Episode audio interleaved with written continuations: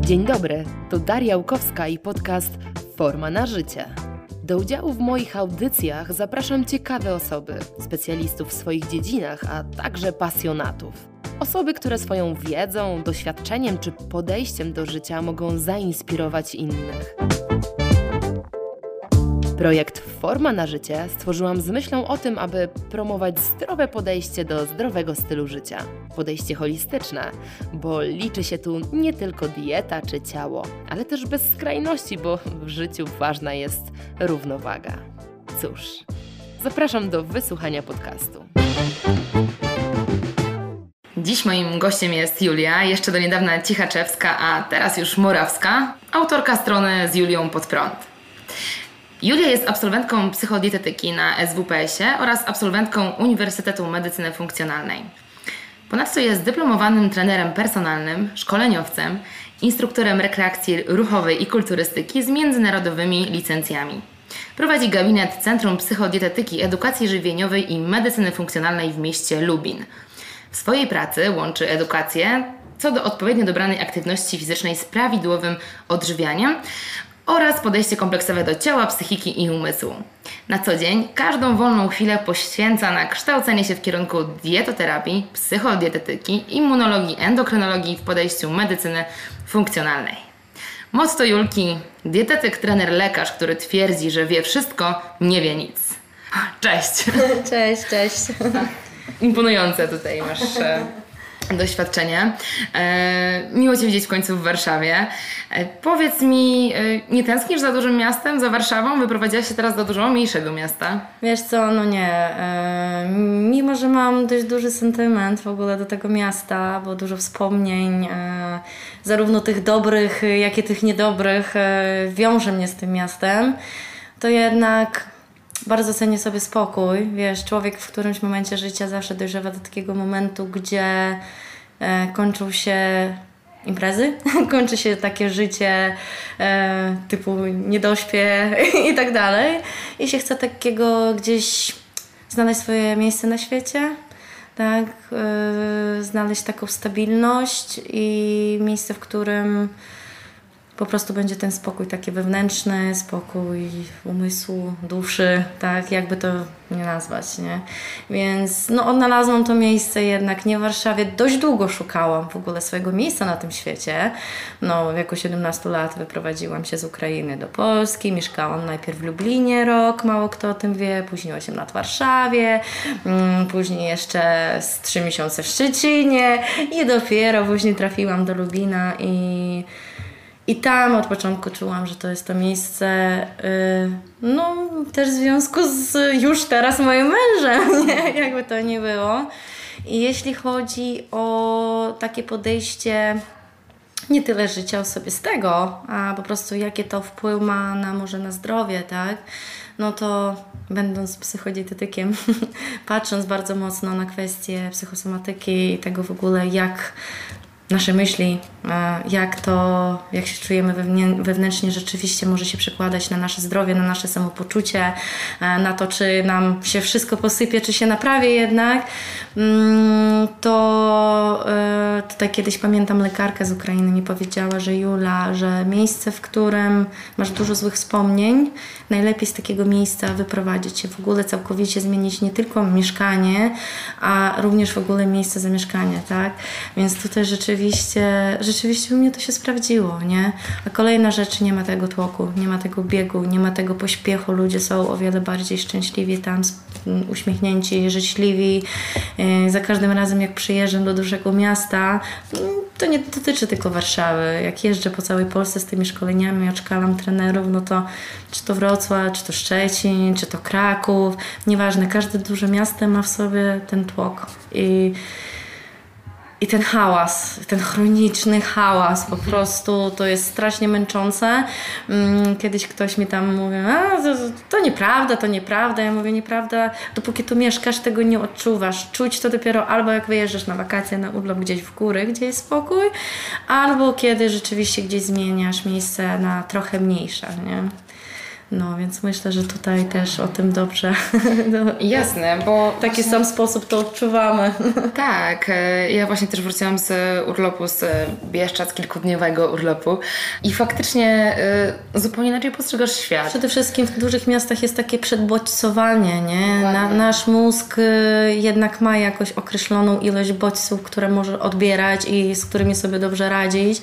Jak zaczyna się robić tego za dużo, no to zaczyna się gdzieś kompensacja po prostu iść. Taki przestymulowany układ nerwowy, no między innymi z takich czynników stresogennych, no to zawsze to zalicza się chroniczny hałas, no i na przykład te wszystkie światła takie, tak, po prostu nie wiem jak ty, ale jak wchodzę do dużej galerii, jestem takim dzikusem trochę. Ja, ja bym idealnie bym się chyba sprawdziła w takich czasach, kurde, jaskiniowych, Tak, wiesz, mieszkając gdzieś po prostu z dala tego wszystkiego, ale po prostu ja nie mogę przebywać długo w galeriach i tego typu, rzecz, w tego typu miejscach, bo mnie strasznie boli głowa. Mnie zaczyna po prostu, gdzie jestem człowiekiem, któremu nigdy głowa nie boli, to w takich miejscach zaczyna mnie boleć głowa po prostu, pojawia się taka nadwrażliwość straszna na te światła, na te hałasy, więc Jasne. unikam jak ognia, nie? A tutaj wszędzie to jest po prostu. nie? Dokładnie, ja też to zauważam, e, jak zaczęłam stosować filtry na komputer, na telefon. Już pomijam, jak on się przez chwilę wyłączy gdzieś tam wieczorem, bo coś się wydarzy. No to jest taki skurcz w skroniach, taki ból oczu nagle i, i głowy właśnie. I to samo właśnie zauważyłam, jakby jak się wychodzi wieczorem po dużym mieście. No najlepiej chyba w tych pomarańczowych okularach chodzić po mieście, bo Jednak natury nie da się oszukać. Dokładnie. I jest taka, taki spokój się osiąga, jak idziesz, nie wiem, gdzieś tam wieczorem w jakimś parku, gdzieś, nie wiem, wśród natury, czy właśnie w mniejszym mieście, gdzie nie ma tych neonów. I widać niebo, i widać gwiazdy. Widzisz, no. Tak, dokładnie, bo tego jednak nie ma w większych miastach. No i właśnie tutaj w tym e, kontekście nawet e, to widać chyba w parametrach metabolicznych, chociażby w kontekście podwyższonego cukru we krwi, nie? Jeżeli chodzi o mm, nawet patrzenie po zmroku w światło niebieskie Tak, i tak, te tak, neony. tak. To, to rzeczywiście się przykłada w ten sposób, nawet sobie się ba- bawiłam, nie? No i tak tobie zresztą jak mówiliśmy tam, zanim tutaj zaczęliśmy to nagrywanie, to odkąd, o ile jestem teraz na etapie zdrowotnym, że tak powiem, na etapie zdrowia mojego metabolicznego takim, że wszystko jest dobrze, że nie ma zaburzeń gospodarki glikemicznej, nie ma insulinoporności, która wcześniej była, więc tak na co dzień, gdy przybyłam u siebie w domu, e, nadal mam dużo stresu w życiu, no bo to jak to każdy człowiek, każdy z Nie nas ma jakieś, nie da się tego wykluczyć, to jest część naszego życia. Też mam dużo obowiązków, też mam dużo e, praca z ludźmi przede wszystkim też, która jest stresująca, ale i tak widać, że to ja zawsze to określam odciąża, o, o, jest takie pojęcie jak obciążenie alostatyczne, tak, że ilość stresorów oddziałujących na nas w tej samej chwili, więc jedynie do czego chcemy zawsze dążyć, to chcemy odciążyć nas, tak, czyli o, skreślić niektóre stresory, no i między innymi takie duże miasta i te przebodźcowanie. W moim przypadku, jak się okazało, było jednym z tych takich kluczowych elementów, że jak zmieniłam to, to nagle też zaczął się stan zdrowotny poprawiać.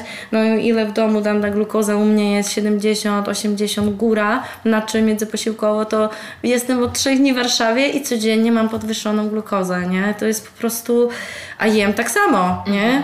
Nic się nie zmienia, nic się nie zmieniło, oprócz tego, że jestem poza miejscem e, swojego jakby normalnego teraz mm, stałego zamieszkania, nie? Fakt, że podróż, fakt, że jakiś wewnętrzny pewnie dyskomfort związany z tym, że nocuję nie u siebie, choć teoretycznie u siostry, gdzie no ale już to jakoś widać, jak takie drobne rzeczy mają ogromne przełożenie się na zdrowie.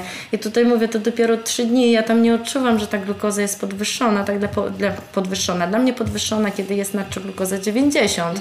Tak, dla mnie to nie jest już normalny poziom glukozy, kiedy w domu mam między 70 a 80, nie? Więc to już dla mnie taki alarmujący gdzieś tam sygnał, że coś tam niekoniecznie dobrze się dzieje. Wiadomo, w 3-4 dni nic mi tego nie, to nie zepsuje, jakby nie czuję się jeszcze...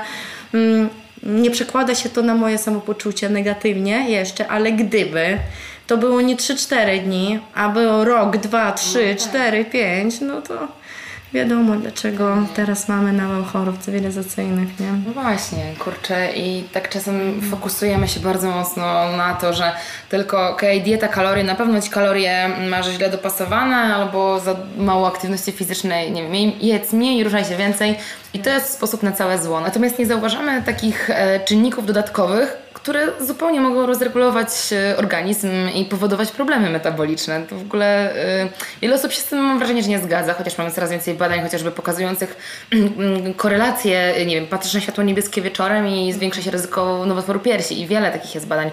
Y, podwyższony glukoza. Z melatoniną, z to, że melatonina Tak. jest poziom niższy. Wiele przecież na pielęgniarkach nawet się prowadzi badań naukowych w kontekście nowotworów, w ogóle ryzyka zapadania na nowotwory u osób, u pracowników zmianowych przede Tak. wszystkim. Tak. Ja tutaj kiedyś pracowałam w logistyce na prace zmianowe, więc tutaj możemy e, po chwili, gdzieś tam za chwilę cofnąć się, jak Tak. to wyglądało kiedyś, ale w każdym razie tak, ja też tak uważam i Wiesz, żyjemy w takich czasach, gdzie w naszej branży dzieje się coś takiego, że idzie walka. Kto wymyśli lepszy sposób, kto wymyśli lepszy suplement, który na coś wpłynie, czyj, czyje rozwiązanie dietetyczne będzie najbardziej optymalne i będzie leczyło, oczywiście w cudzysłowie tutaj, jakieś zaburzenia. A wiesz, kiedy przychodzi do mnie ktoś do gabinetu, to pierwsze co, to zaczynam pracować nad rytmem dobowym i podaję, drukuję tą kartkę z, o, y, tłumaczę czym jest obciążenie elastatyczne i różne rodzaje stresorów. I siadamy najpierw nad tym i, zaczy, i szczególnie kiedy widzę, że to jest jakiś rodzaj zaburzeń, które mogą potencjalnie mieć związek właśnie z tymi czynnikami i wtedy mówię, okej, dobra, w zależności od tego, jaki stres, jaki rodzaj stresu Cię dotyczy, czy to jest stres metaboliczny w postaci rozregulowanej gospodarki glukozowo-insulinowej, czy to jest stres w postaci ciągłego hałasu, na przykład trenerzy, jak pracują na siłowni, wieczny hałas, tak, muzyka, światła, mnóstwo, e, te wieczne handle, które upadają, to wszystko, no, tam jest straszny hałas i współczuję ogromnie e, trenerom, bo w takim miejscu pracować, no to ja się nie dziwię, że no, później już drgawki się zaczynają jakieś na koniec dnia. Ten układ nerwowy musi po prostu cały czas się dostosowywać, by jechać na takich wysokich obrotach, a to jest to jest jak, jak jest z mięśniami, tak? No nie możemy jechać non-stop na wysokich obrotach, no jeśli porównać to do treningu, w końcu nastąpi taki moment takiego przetrenowania, zmęczenia, organizm będzie się domagał odpoczynku, to samo dotyczy różnych innych stresorów w życiu. Czy to są toksyczne relacje też niestety często toksycznymi bywają te osoby najbliższe, mama, tata, nie wiem, partner, dziecko, nie daj Boże, tak? No tutaj już tego raczej się nie pozbędziemy. W każdym razie, jeśli kogoś tam kogoś dotyczy a coś takiego jak toksyczne relacje, na przykład partnerskie, no to raczej to są rzeczy, które no, albo się pozbywamy, albo jakoś nad tym pracujemy. Czyli tutaj no, rodzaju stresorów infekcyjny, bakteryjny tak, i tak dalej, strukturalne nawet, jak są jakieś spięcia mięśniowe, um, nawet tutaj już fizjoterapię, osteopatię się kłania, nie? więc jakby przedstawiam tą listę i mówię, ok, zdaję sobie sprawę, że wszystkiego życia nie wykluczymy, ale powiedz mi, nad czym potencjalnie mogłabyś, mógłbyś popracować. Od razu kwadratowe oczy, no bo przecież Ludzie, to, ludzie nie tego oczekują. Ludzie bo się oczekują chce, o, e, się, tabletki. chce, się chce łatwego, szybkiego rozwiązania, niestety. Albo tak, albo no ewentualnie, że już nie tabletki na dietę cud, że łykniesz i chudniesz i poprawiać się Twoje zdrowie, no to gdzieś tam konkrety, mam jeść, okej, to wezmę sobie catering i z głowy, nie? Tak. A tu nagle się okazuje, że trzeba zmienić życie, żeby być zdrowym i wiele ludzi się na to nie chce godzić, no bo jakby to jest, często zapętlamy się w takie koło, prawda? No tu muszę więcej pracować, bo pieniądze, pieniądze, no to nie mam czasu, no i Ale wiesz co, zauważyłam, że jednak się da. Jednak się da, bo e, zawsze też to e, tłumaczę, że ja też jestem osobą, która jest bardzo zapracowana. E, ja nie, w ogóle mam taki charakter strasznie, perfek, taki ten perfekcjonizm de facto to jest kolejne w ogóle obciążenie elastatyczne. O, Perfekcjonizm taki chorobliwy to jest kwestia, nad którą pracuję, bo w dłuższej perspektywie czasu do niczego dobrego to nie doprowadza. No natomiast no, jeszcze pracuję, czyli jeszcze się nie pozbyłam i gdzieś tam on mnie dotyka cały czas, więc. y, Mm, Mam taki swój plan dnia, gdzie codziennie mam taki wewnętrzny obowiązek, że muszę koniecznie przeczytać, przeczytać albo jakąś książkę, albo jakieś nowe doniesienie naukowe, bo przecież jak nie przeczytam, to będę w tyle, nie? No muszę cały, muszę. Rzucam na siebie te słowa muszę, uczę wszystkich nie używać tego słowa w stosunku do siebie, ale no, widzisz. nie muszę, ale chcę. Nie muszę, ale chcę. Chcę, żeby oczywiście pomagać jak najbardziej skutecznie w sposób taki wielopoziomowy dla osób, z którymi pracuję. No to chcę e, poczytać, przejrzeć i tak dalej, więc jakby wychodzi tak, że i trzeba się dokształcać gdzieś tam cały czas i jednocześnie praca z e, ludźmi w gabinecie też pochłania sporo czasu, e, życie prywatne, własne treningi, no raczej to są rzeczy, z których nie chcę rezygnować. no, wyjazdy, szkolenia, no to wszystko jakby kładzie duży nacisk taki w kontekście po prostu, że dużo rzeczywiście tej pracy jest, ale nauczyłam się to bilansować i da się, da się po prostu. Mhm. Wiadomo, że jest zawsze jakiś okres w życiu, gdzie trzeba troszeczkę więcej popracować, trochę to jest zdrówko, że tak powiem, zaniedbać, ale później jak nauczymy się dobrze sobie to bilansować w skali dnia, to bez problemu. Większość ludzi ma problem z tym, że za dużo przesiaduje po prostu na Facebooku, na Instagramie, w komórkach. To jest takie pochłania czasu, ludzie nawet nie zwracają na to uwagę. Po prostu siedzą, e, potrafią po 3-4 godziny, tak, jak nie więcej, po prostu e, siedzieć na, tak, po prostu rolować. E, w momencie, kiedy na komórkach jest taka możliwość zobaczyć, ile czasu tak. spędzasz tak. na tym, więc ja to też, tego też uczę, nie? żeby na przykład ograniczyć czasy. Na przykład zaczęłam sobie też to samo robić, że wchodzę na komórkę zazwyczaj, tak na co dzień w takiej swojej rutynowej pracy, że siadam na przykład rano, jak gotuję jedzenie, bo rano mam tylko godzinę, maksymalnie półtory czasu, żeby ugotować sobie jedzonko na cały dzień do gabinetu, mm, ze sobą, więc w tym momencie, kiedy delektuję się poranną kawusią, e, szykuję sobie jedzonko i zbieram torbę treningową na rower i jadę i przebranie, no to tam sobie przejrzę tak, tego Instagrama, tego Facebooka, później już dopiero gdzieś tam e, wieczorem, e, wieczorem, wieczorem to między 19, tak, 20, tak staram się, bo rzeczywiście są jeszcze odstępstwa od tego, ale tak powiedzmy jeszcze jakieś 15 minutek i amen, tryb samolotowy. U mnie zazwyczaj na co dzień w, o 20 godzinie łączy się tryb samolotowy na komórkę, aut, komputer, aut, wszystko, telewizor u mnie w domu się nie łącza i mam czas też dla siebie, dla swojego partnera, zanim o tej 22 powiedzmy położę się spać, nie?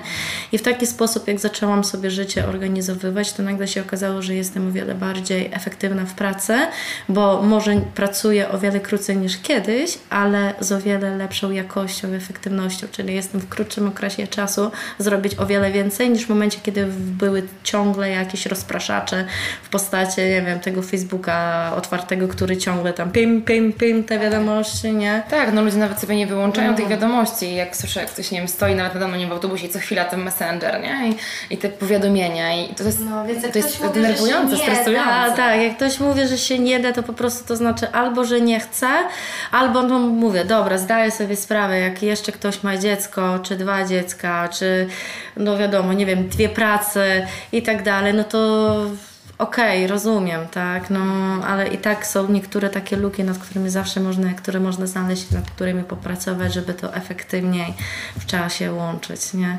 No, więc mówię, tak w trakcie pracy jedynie, kiedy tą komórkę rzeczywiście biorę, to jak coś nagrywam po prostu, mhm. już rzeczywiście jakieś mam e, wenę i złotą myśl, tak, i żeby coś ponagrywać, czy coś napisać, jakiś post, nie?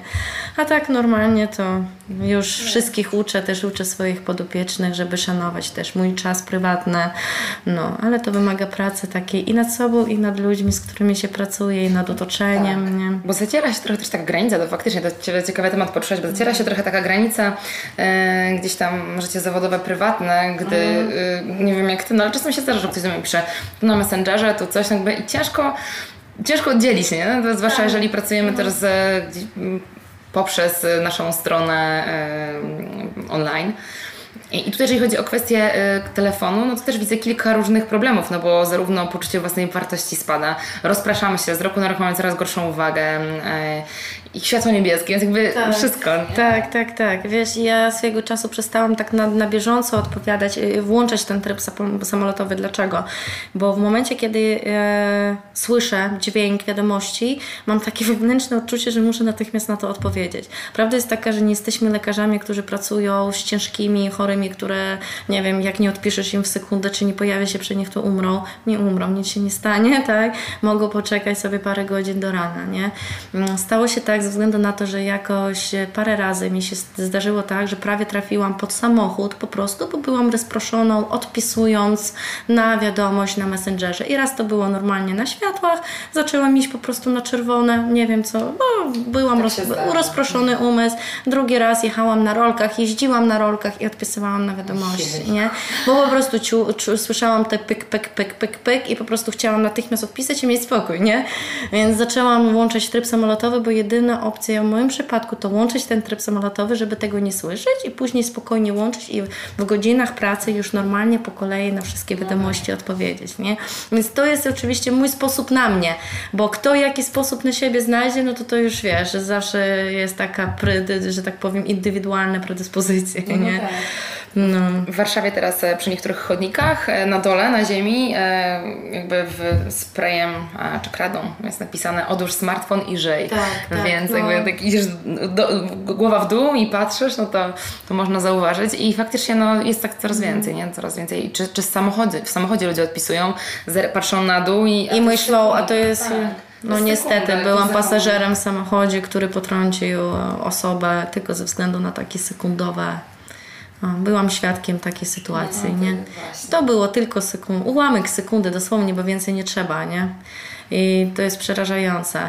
E, Nie mówię, żeby to odstawić całkowicie, bo jakby tutaj cały mass media i tak dalej, to są narzędzia między innymi. Trzeba je dobrze O wykorzystywać. to chodzi, o to chodzi. One nam bardzo dużo ułatwiły, ale y, na razie jesteśmy w etapie chyba takiego zapadnięcia się w to, nie? I to jest moment, kiedy znajdziemy złoty środek, będzie momentem... No ja nawet ostatnio na Instagramie też mówiłam o tym, nagrywam, że mi łatwiej na przykład, niech ludzie piszą te pytania i mi łatwiej po prostu wziąć je wszystkie do kupy i odnieść się normalnie na relacjach, kiedy w spokoju usiądę, powiedzmy, czy to w domu nawet, w takich normalnych, w szlafroczku sobie z herbatką, czy to w biurze, jak będę i odnieść się po kolei w relacji, wszyscy przy okazji skorzystają, aniżeli wszystkim, wszystkim tam gdzieś po kolei pojedynczo odpisywać.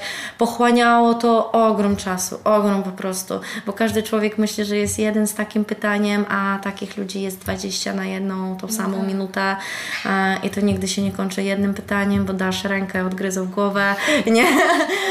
No, więc to są takie w naszej branży na pewno, bo e, takie stresogeny mocne. Tak, ale często ja na przykład się spotkałam też parę razy, z, e, kiedy chcesz nam dobrze jakby, no i, i jakby często odpowiedź konkretna e, wiąże się z tym, że ktoś to odbiera bardzo negatywnie, że jesteś wręcz niemiła, gdzie po prostu wysyłasz konkretną odpowiedź, nie? Jakby Bo nie idzie widzisz- zła interpretacja, bo nie słyszysz Tak. nie widzisz tonu głosu. głosu. Dokładnie tak. I właśnie to jest problem ogromny w, w relacjach gdzieś tam, że jeżeli nie dodasz pięciu emo- emotikonek uśmiechniętych, to znaczy, że jesteś chamska. Więc jakby... Ale to nawet mój mąż czasami, czemu jesteś taka zimna, jak wyjeżdżam na przykład, nie? I na przykład mam na szkoleniu czas, dosłownie czasami potrafię na szkolenie chować się, jakby to nie brzmiało w toalecie, by móc zjeść, bo jak jesteś na szkoleniu, no to w przerwie, kiedy masz przerwę teoretycznie obiadową, to ludzie nadal podchodzą, cię zagadują, więc żeby mieć szansę zjeść, to siedzisz w tym toalecie, powiedzmy. E, No i wysyłam tam coś tam, że mam przerwę, to, to, to jak nie postawisz tego emotikonu, tak jak mówisz, tego serduszka, czy buziaczka, czy coś, to od razu człowiek myśli, czemu jesteś taka zimna, nie? Tak, czy, czy, wszystko jest na pewno okej?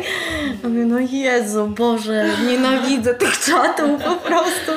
No, jestem wdzięczna naszym czasom, bo dzięki temu, jakby tutaj dzięki Facebookowi między innymi też poznałam mnóstwo wspaniałych osób najpierw przez internet. Zresztą my chyba z Tobą, nie pamiętam jak my się... Nie, my się poznałyśmy za czasów e, fitness sylwetkowego, moja droga, w Poznaniu. Na W Poznaniu, tak. My, te, u Feniksa, tak? Na, na tym, but, jak to się nazywało? Kamp taki treningowy. dokładnie. Taki obóz, no. No, ale wiele osób jakby poznałam najpierw przez Facebooka, z branży szczególnie, a później dopiero już na żywo a, poznaliśmy się na jakichś tam konferencjach, spotkaniach i jakby jest to owszem narzędzie czasami, żeby ten kontakt utrzymywać, będąc daleko od siebie, ale no nie powinno to stanowić takiego sensu całego życia, jakby tutaj, Dokładnie. jak to dzieci teraz rosną z tym wszystkim, że nie potrafią relacji prawdziwych w ogóle budować, nie? Tak, ostatnio u mnie w rodzinie e, taka dziewczynka się też powiedziała, że ona woli napisać niż zadzwonić. No jak to? Przecież łatwiej jest napisać niż z kimś porozmawiać. Chyba odwrotnie. tak, no właśnie o to chodzi. I, I jakby, a jest bardzo dużo badań, jeżeli chodzi o zakresu takiej psychologii, psychosomatyki, hmm. że obecność drugiego człowieka, dotyk czy sam obecność, jak słyszysz głos, zupełnie inaczej na człowieka działa już hormonalnie, hmm. nie? No to, I my wiemy to wszystko, tylko, znaczy w, sensie nauka to wie, ale... Tak, kiedyś nawet e, to na jakimś szkoleniu mówiłam, czy nie wiem, kiedyś powiedziało, ktoś do mnie powiedział, że Julka na pewno wyzdrowiejesz w momencie, kiedy, nie wiem, wyprowadzisz się na jakąś wyspę bezludną. I mówię, no nie, w momencie, kiedy bym była sama na tej bezludnej wyspie, to wcale bym nie wyzdrowiała, bo człowiek potrzebuje człowieka, tak? Człowiek potrzebuje tej bliskości, tego kontaktu. Człowiek, nawet kiedyś badania były takie prowadzone, że ludzi zamykano w takim pomieszczeniu tak. zamkniętym, mhm. odizolowanym, dostawali świra po prostu, kiedy przebywają sami ze sobą, tak? W, no. Y, było też chyba takie badanie, y, wiem, że na dzieciach, ale że je przestali, y, zaprzestali robić, bo coś w złym kierunku szło, że już nie pamiętam dokładnie w jakim to było kraju i to było dawno temu, że część dzieci nie przytulani, czy coś takiego, czy, czy no, generalnie, że nie miały takiej mm. czułości. To, że wiem, że tam się robiły takie rzeczy, jak któryś z książek, to jak znajdę to, to najwyżej podlinkuję, e, no, że zaprzestali, bo tak, tak to negatywnie oddziaływało na zdrowie, więc... No więc właśnie i jakby no właśnie, rozmawiamy o rzeczach, które teoretycznie nie są zwi związane, nie? Z dietą, z aktywnością fizyczną. Ale od których warto zaczynać. No, dokładnie. No więc jakby to też jesteś dobrą osobą, żeby o to zapytać. I no. właśnie tak jak wspomniałaś gdzieś tam w międzyczasie, z Twoją historią, bo Ty też y, trochę y, dochodziłaś do tego, żeby być w takim etapie swojego zdrowia metabolicznego, jakim jesteś teraz, nie? O wiesz, tak, tak. Y, boję się, że gdybym miała opowiedzieć całą historię, to nam czasu nie starczy. Y, ale jakby to nie kręcić, trzeba gdzieś zacząć jeszcze sprzed czasu, jak my się z Tobą poznaliśmy, bo to było, my się poznaliśmy z Tobą chyba y, z pięć lat temu, tak? Ja byłam już wtedy po zawodach, y, posypana zdrowotnie, po zawodach sylwetkowych. W okolicy chyba. W okolicy, gdzieś, gdzieś to było. Nie, ja byłam, pamiętam te zdjęcia. Nie, byłam, z, wyglądałam już wtedy niezbyt fajnie, więc e, byłam podpuchnięta, podpuchnięta, dosłownie miałam wtedy już niewydolność nerek, nie? E, więc to było po. W każdym razie, e, żeby była jasność, że mm, teraz, bo Zdrowie mi się posypało, owszem, najbardziej w okresie po, po szykowaniu się do zawodów serwetkowych, ale teraz, na tym etapie życia, w którym jestem i na tej etapie, tym etapie wiedzy, którą gdzieś tam już mam na w dniu dzisiejszym, to mogę stwierdzić, że do tego szło o wiele lat jeszcze wcześniej. To nie było tylko kwestia zbyt restrykcyjnej, zbyt niskokalorycznej diety i e, treningu, które mnie prawie tam doprowadziły e, do wiadomo gdzie, za chwilę opowiem. W każdym razie ja od samego dzieciaka, od dnia mojego e, urodzenia się już nie byłam że tak powiem, stworzona do jakiegoś nadludzkiego zajeżdżania się genetycznie, czy też w związku z czynnikiem środowiskowymi, czynnikami środowiskowymi. O, tak, to trzeba odmienić, bo jeśli mówimy o czynnikach środowiskowych, to w momencie, kiedy już się urodziłam, to miałam ogromne niedotlenienie mózgu, e, mnie ratowano, mi serduszko nie biło, ja nie żyłam, tak? Teoretycznie nie powinnam była żyć, tylko jeden lekarz postanowił jednak próbować mnie ratować. I mimo, że już czas niedotlenienia teoretycznie był na tyle długi, że mm, powinno się już wtedy decydować, że dziecko jakby uznać śmierć, nie? Uratował mnie i gdybyś zobaczyła moją kartę, e, co tam napisano, że w jakich warunkach się rodziłam i czym to grozi takie niedotlenienie mózgu, to ogólnie tam było czarno po białym napisane, że mam być niedorozwojem psychofizycznym w ogóle, nie? że występowało na tyle duże niedotlenienie mózgu. E, mama w czasie ciąży była niedożywiona, bo to były bardzo biedne czasy. Tak, więc jakby tutaj już wiemy, że e, w warunkach, kiedy kobieta w trakcie ciąży też odpowiednio e, nie odżywia się, albo jest nadkonsumpcja energii, albo kiedy jest niedobór energetyczny, to to już działa epigenetycznie na jej płód, predysponując do różnych tam e, chorób cywilizacyjnych w wieku dorosłym. Więc wychodzi, już od samego startu miałam podgórkę. Całe szczęście, jak widać i słychać, nie do rozwoju psychomyślnego umysłowym nie jestem. Nie. Jakoś wręcz odwrotnie byłam, e, bardzo szybko zaczęłam się rozwijać i zarówno fizycznie i psychologicznie. Bardzo wcześnie zaczęłam czytać i w ogóle. Całe szczęście.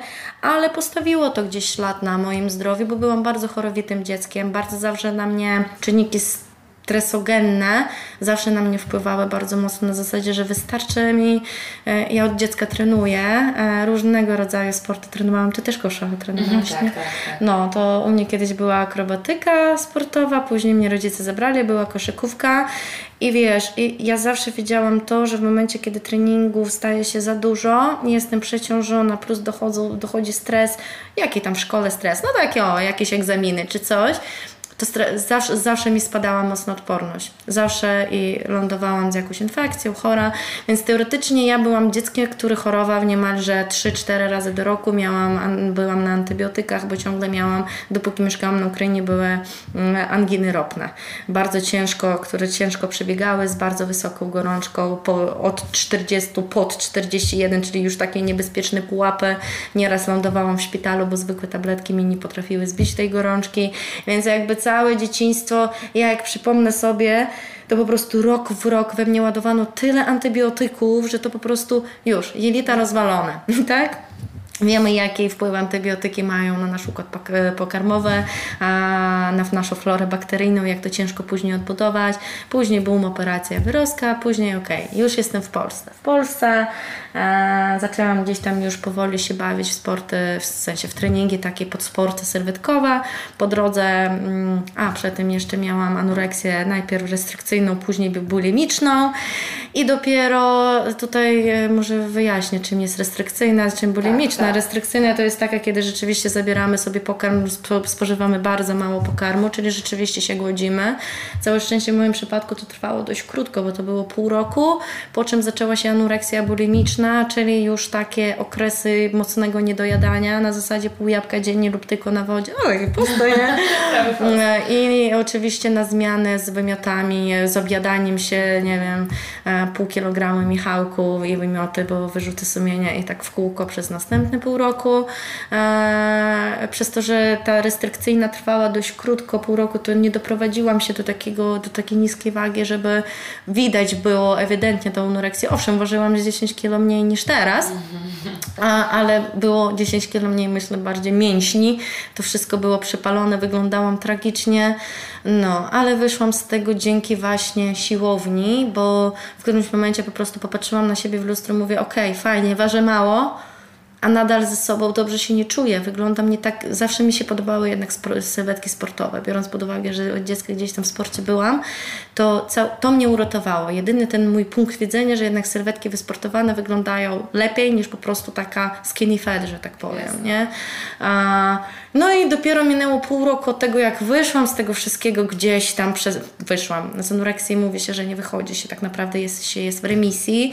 E, bardziej tak się tutaj w kontekście psychodietetyki o tym mówi. Natomiast przestałam nie dojadać i przejadać się i wymiotować w kółko. O, to tak, nie? Na tym polega ta remisja, że przestaje się coś takiego sobie robić. Zaczęłam w miarę normalnie się odżywiać, zaczęłam trenować. Po pół roku stwierdziłam, że będę się szykować do zawodów sylwetkowych. Czyli wychodzi, to było taki męczyłam siebie latami, nie? Męczyłam i ta redukcja przed zawodami e, była taki, e, taką ostatnią kropką nad i, można stwierdzić, plus czynnik zapalny, tak. czynnik zapalny, bo dopiero co gdzieś tam zaczęłam normalnie się odżywiać, no to teraz znowu dieta bardzo uboga energetycznie. E, wiesz, gdyby do mnie Gdybym na przykład była czynnym trenerem, takim, który trenuje ludzi pod zawody sylwetkowe, teoretycznie szykuję jeszcze czasami, choć niezbyt chętnie, ale zdarzyło mi się ostatnio jedną, dziewczynę szykować na zawody sylwetkowe. Może jeszcze później do tego wrócimy, e, ale mm, do czego prowadzę? Bo gdyby do mnie zgłosiła się osoba, która je, je rzeczywiście je, nie oszukuje, że je tam 1700-1600 kalorii, trenuje po 2-3 godziny dziennie i nie chudnie, to w takim momencie ja bym powiedziała, że nie, stop, halo, trzeba poszukać, dlaczego tak się dzieje. Że, jeśli rzeczywiście mówisz prawdę i nie podjadasz, no to to jest podejrzane. No, gdzie dalej schodzić z energią? Masz do na przykład do rzucenia do zawodów 10 kg, czy tam 5-6, no to co, to przecież nie można iść w nieskończoność, obniżyć tego poziomu energii i dowalać tych treningów, kiedy tych treningów i tak jest dużo i żywienie i tak jest mało. Ja bym powiedziała, ok, halo, poświęcimy sobie pół roku, rok, dwa, żeby normalnie podkręcić te, ten organizm, żeby poszukać, co jest gdzie nie tak, a wtedy dopiero pomyślimy o zawodach, nie? No w moim przypadku niestety to tak nie wyglądało, w moim przypadku było tak, nie na 1600, to jest 1400. Ok, stagnacja, obcinamy 1200.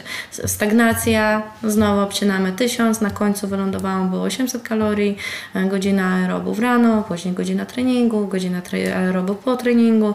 E, no czyli taki standardowy, niestety, niestety, niestety, ale nadal tak wiele zawodniczek się szykuje, tak. tak. I wiesz, nawet czasem nie zawodniczek, czasem nawet wśród tak. dietetyków pokotuje po prostu no. takie myślenie, że jeżeli nie działa, no to albo twój, twój metabolizm po prostu jest wolny i bo dla ciebie deficyt jest niższy i koniec. Mm. I, I rób tak, nie? No i właśnie pytanie, z czym to się no, w, takie, w takich momentach no to powinniśmy też rzeczywiście poszukać, dlaczego e, w ogóle Mm, zapotrzebowanie na energię jest takie niskie, tak? E, no bo dla kobiety takiej powiedzmy o średniej wadze, tam 60 powiedzmy kilo, tam 55-60, to mi się wydaje, że 1800, 1900 to jest no, podaż energii, przy której e, dla kobiety nie trenującej wyczynowo trzeba zwrócić uwagę, to jest normalna, zdrowa podaż energii. Jeśli przychodzi taka kobieta z takimi parametrami, je powiedzmy 1400 i trenuje codziennie, nie wiem, rano ma jakiś spinning, później ma siłowy i jeszcze coś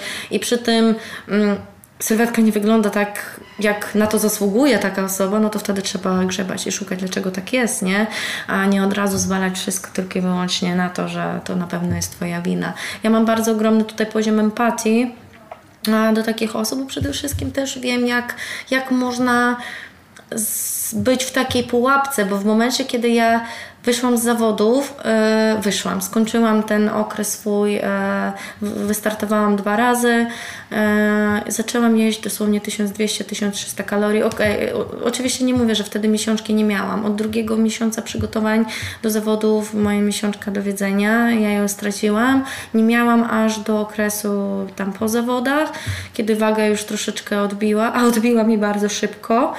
zaczęłam jeść dosłownie 1200-1300 Mm, I miałam najpierw z 10 kg na plusie dosłownie w tydzień czasu, później już była 15 na plus, no i ogólnie miało to tendencję wzrastającą, gdzie tak naprawdę nie jadłam dużo. Tak? I e, wiesz, no w takim momencie wiele osób oczywiście mnie zarzucało, że ja oczywiście oszukuję, że ja podjadam po nocach, ciasteczka, w... mhm. powiem jak to mówiono, bo ja wiem kto i co na mój temat mówił. Było tak, że ta Cichaczewska na pewno wpierdala, mhm. pod kołdrą oszukuje, żadnych problemów metabolicznych no, nie ma, wszystko sobie wmawia i w ogóle, ogólnie tak, no, byłam, tak, wariatka, nie?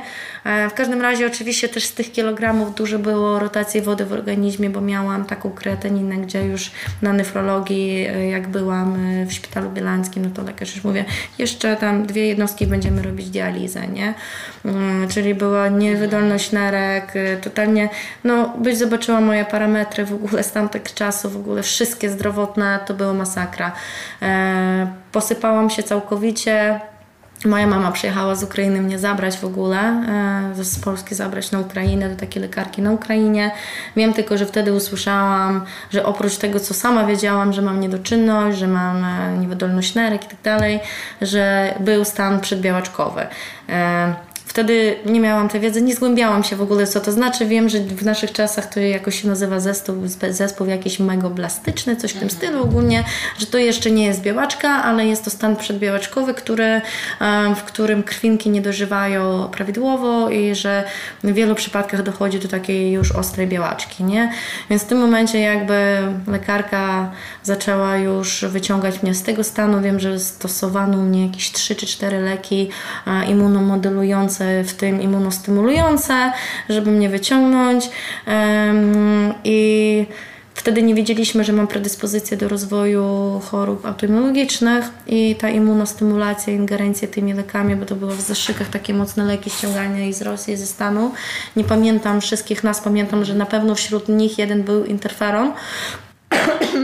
I potem się po, z jednego mnie wyciągnięto i po tej immunostymulacji poszła e, autoimmunologia. Poszło po nerkach przeciwciała, po wątrobie, e, po tarczycy, tak. I z tego co pamiętam jeszcze coś poszedł atak na trzustkę, ale nie zdążyło to nie, całe szczęście się rozwinąć e, cukrzyca pierwszego typu, więc jakby na czas to później było wyhamowane. Więc ta historia ogólnie jest, ona jest dość długa, bo, dość długa, bo to E, też w takim ogromnym skrócie, bo gdybym miała jeszcze powiedzieć, ile lekarzy musiałam odwiedzić w tym czasie, kiedy źle się czułam, ile razy ja słyszałam, że ja na pewno po prostu mam depresję i że nie wiem, bo lekarze nie potrafili wyjaśnić, tak? Przede wszystkim nie potrafili wyjaśnić, bo mnie nie badali. Nikt mi nie zbadał przeciwciał w ogóle na, te, na tą wątrobę, na te nerki, na tą tarczycę. Było na zasadzie okej, okay, wyniki oczywiście są złe, ale nie na tyle, by aż tak się czuć jak pani. Pani na pewno ma depresję, proszę pójść po leki antydepresyjne, nie? I w którymś momencie rzeczywiście do, dostałam depresji, nie? Bo no, tak. człowiek się i mówię, no a, a kolejna rzecz to, że ja nie mogłam w ogóle wstać, bo ja spałam po 16, 17, maksymalnie 20 godzin, ciągiem spałam, nie mogłam się obudzić, nie? Więc jak ktoś mi wmawia, że kiedy miesiąc temu czułam się wspaniale, wszystko było ok i y, miałam mnóstwo energii, a teraz nagle śpię 20 godzin, nie jestem w stanie y, obudzić się i mi wmawiano depresję, to całe szczęście, że nie posłuchałam, bo wiele osób niestety słucha, nie? Mm, dlatego mówię, no tutaj to, że doszło aż do takiego wyniszczenia organizmu, nie było kwestia tylko tych przygotowań, to było właśnie takie nawarstwianie się tego złego podejścia w ogóle do swojego życia, żywienia, no bo od 12 czy 13 roku życia tak naprawdę się odchudzała w niemądry sposób, bo jak człowiek y, ma, bez wiedzy może w mądry sposób się odchudzać. Wchodzisz na forum, czytasz coś, e, zazwyczaj różne głupoty i te głupoty na sobie stosujesz, nie? Mm, poza tym całkowity brak akceptacji siebie i taka cały czas wewnętrzna, wiesz, taka samodestrukcja, tak? Ja nienawidziłam siebie. Ja każdego dnia żyłam od tego 13, od momentu dojrzania e, żyłam z takim czymś, że ja nienawidzę tego, ja nienawidzę tego. Ja, ja nawet na głos, ile razy ja powiedziałam, że ja nie chcę być w tym ciele, ja po prostu w nim nie chcę być. Więc wiesz, jeśli popatrzymy tak z perspektywy psychologii i e, takiego, nie wiem, duchowości, nie wiem tak, jak to nawet nazwać, takie odtrącanie własnego ciała i to, że później poszedł taki proces autoimmunologii, to wcale się nie dziwię. Widzę, że rzeczywiście, no, jak ktoś nie wie, na czym polega autoimmunologia, własny układ immunologiczny atakuje własne ciało, go wyniszcza po prostu, nie? Więc biorąc pod uwagę, że ja sama wewnętrznie tak tego ciała nienawidziłam i tak chciałam się go pozbyć i z niego po prostu wyjść, to wiesz, to gdzieś tam ta psychika. Ja uważam, że to jest bardzo związane, mm. bo y, sama wiesz y, i na pewno zauważasz, że bardzo częsty schemat, nie? że kobieta mm. e, szuka rozwiązań swoich problemów, e, czy młoda po prostu nie akceptuje siebie jakby podejrzewaniu, czy, czy z innych powodów. No i zaczyna się anoreksja, bulimia, tak, później, tak, a potem tak. sporty sylwetkowe bardzo często, a potem autoimmunologia. To jest takie leczenie, dlatego jak ktoś się szykuje, chce szykować się do zawodów i mnie pyta... Mm, czy przyszykuję, to oprócz oczywistych tak rzeczy jak parametry zdrowotne, jak tam tarczyce, jak badania się mhm. mają i w ogóle całej historii danej osoby, wiadomo na to na, na, musimy zwracać uwagę. To druga kwestia, najważniejsza to dlaczego chcesz na te zawody, tak? A, tak, czy to jest kwestia leczenia własnych kompleksów, bo jeśli tak, to niestety nie tędy droga, bo w moim przypadku niestety, ale to był sposób na leczenie e, tych kompleksów, które de facto nie wyleczyłam, a jeszcze bardziej pogłębiłam po tych mhm. zawodach Mhm. Bo później jak nagle lądujesz w miejscu, w którym robisz formę najpierw i owszem, lustrze sobie się podobasz, ale wiesz przecież, że takiej formy nie utrzymasz do końca życia. To jest nierealne, biorąc pod uwagę oczywiście po prostu niezdrowe. O, tak to ujmijmy. E, I w momencie, kiedy jesteś po zawodach i znowu Cię podlewa, to wtedy jest jeszcze większa nienawiść do siebie e, i totalnie jeszcze bardziej zaburzone postrzeganie własnej osoby. Mm, ja na początku nie poznawałam w ogóle siebie. Jak patrzyłam w lustro, jeszcze bardziej siebie nienawidziłam, a na scenie i tak nie byłam szczęśliwa. nie było tego szczęścia, że o, i tak wychodziłam i tak miałam mnóstwo tych kompleksów, tak? Więc jak ktoś chce w ten sposób leczyć kompleksy, to raczej na samoakceptacja i takie pokochanie własnej osoby jednak nie na tym polega, żeby poświecić tyłkiem pod, przed e, pół Polski, nie? Dokładnie tak, bo masz wtedy taki szacunek, e, znaczy szacunek, to nawet złe słowo, e, słowo Mhm. ale taki podziw od innych ludzi, kiedy masz tą formę, no ją tracisz i nie ma Ciebie jakby dalej. Tak, bo ja się tylko na tym buduje się podziw tych osób, tylko Masz na potrzebę przede wszystkim, no. to niestety w każdym momencie, kiedy przybędzie Ci nawet 2-3 kilo i nie ma tego zarysu i tej jastrości mięśniowej, to jesteś już tak... Tworzysz taką tożsamość związaną tylko i wyłącznie z tym. I sama z siebie w ten sposób utożsamiasz i ludzie cię, Ciebie w ten sposób utożsamiają. I nie widzą nic poza tym. Widzą tylko Twoją sylwetkę i to, że tylko tym się zajmujesz i nie mają pojęcia w ogóle, nie Jesteś zwraca człowiekiem. jakim jesteś człowiekiem, czy w życiu jeszcze umiesz, potrafisz. E, a, Pół biedy z ludźmi. Najgorzej, że sam zaczynasz o tym zapominać, o tych swoich mocnych stronach, tak? I po prostu bardzo, bardzo, bardzo ciężko z czegoś takiego wyjść, kiedy to trwa latami. A no tutaj oczywiście zawsze jest, y, żeby z tego wyjść, trzeba zrozumieć, dlaczego w ogóle początkowo pojawiły się te problemy z brakiem akceptacji. Niestety najczęściej najbliższe osoby, w tym rodzice. E, tak, nieświadomie, totalnie nie, nieświadomy sposób e, coś takiego po prostu wyrządzają krzywdę, że tak powiem, na dziecięcej psychice i później to zostaje i się ciągnie i dopóki się tego nie rozpracuje, dlaczego tak mam, to raczej to będzie takie błędne koło się toczyć całe życie, więc ja uważam, że ogólnie każde zaburzenie zdrowotne powinno się zaczynać od głowy. E, i powinniśmy przestać walczyć w ogóle, jaki system żywieniowy e, jest lepszy, bo w zasadzie każda dieta, dopóki będzie nisko przetworzona, wysoko odżywcza, będzie po prostu dobra. Tak, no i tyle, takie jest moje zdanie. Odchodzę znowu od tematu. Nie, jak najbardziej, jak najbardziej, bo w sumie o tej całej swojej historii. Nie, no co, no dobra, wylądowałam, immunostymulacja, posypały się choroby autoimmunologiczne, totalnie jeszcze bardziej rozjechał się układ pokarmowy. No i w tym momencie stwierdziłam, mimo że em, ukłon ogromny do ziemi tej lekarki, którą na Ukrainie, no, dlatego mama mnie zabrała, bo tutaj lekarze mnie społawiali po prostu i mama wiedziała, że ze mną jest źle i po prostu jak jechaliśmy na tą Ukrainę, to ja trzymałam nogi u niej na nogach, bo miałam takie obrzęki, że wiesz, jak jest niewydolność nery, to robią się takie obrzęki na zasadzie, że jak wsadzasz palec w łydkę czy w nogę, to dziura zostaje, ona nie wraca do takiego punktu. I mama po prostu siedziała, patrzyła na te moje nogi i płakała. Ja nigdy po prostu tego nie zapomnę. Ona całą drogę siedziała po prostu i płakała. I ona mnie zabrała na tą Ukrainę i tam jest taka lekarka, która jest z, um, ogólnie lekarką, e, tylko że e, też dokształca się cały czas, żeby patrzeć w taki też sposób bardziej wielopoziomowy, nie? No, tak e, holistycznie teraz jest hejt strasznie na to słowo, no ale tak to mo- można ująć, nie? Że szuka też takich powiązań, że nie tylko i wyłącznie leki do wiedzenia. Mm, Ona mnie w bardzo dużym stopniu wyciągnęła i to jest taki lekarz, od którego do tej pory się uczę. Y, Na tym etapie już ona też ode mnie trochę się, się uczy, nie? Utrzymujemy cały czas kontakt, no i w którymś momencie już powiedziała, że wszystko, co ja była w jej siłach, już zrobiła, dalej już moja droga, tak? Że muszę sama zgłębiać dalej tą wiedzę, żeby samopomóc, nie ma to jak samopomóc, bo tylko my potrafimy, e, jak zaczniemy zwracać uwagę, przede wszystkim to potrafimy nauczyć się odczytywać różne sygnały organizmu, no i wtedy się zaczęła dalej już moja droga e, z tym, żeby samej sobie pomóc, tak? No i tutaj się śmieję, że sama musiałam niemal profesorem zostać, żeby móc pomóc sobie i e, kiedyś mi mama powiedziała coś takiego, że zobaczysz, że wszystko to ma wyższy sens. I ja wtedy mówię, ty chyba sobie jaja robisz za przeproszenie, po prostu ja się czuję tragicznie, dosłownie umieram po prostu, dosłownie, bo mi narządy odmawiały współpracy, a ty mówisz, że to ma wyższy sens.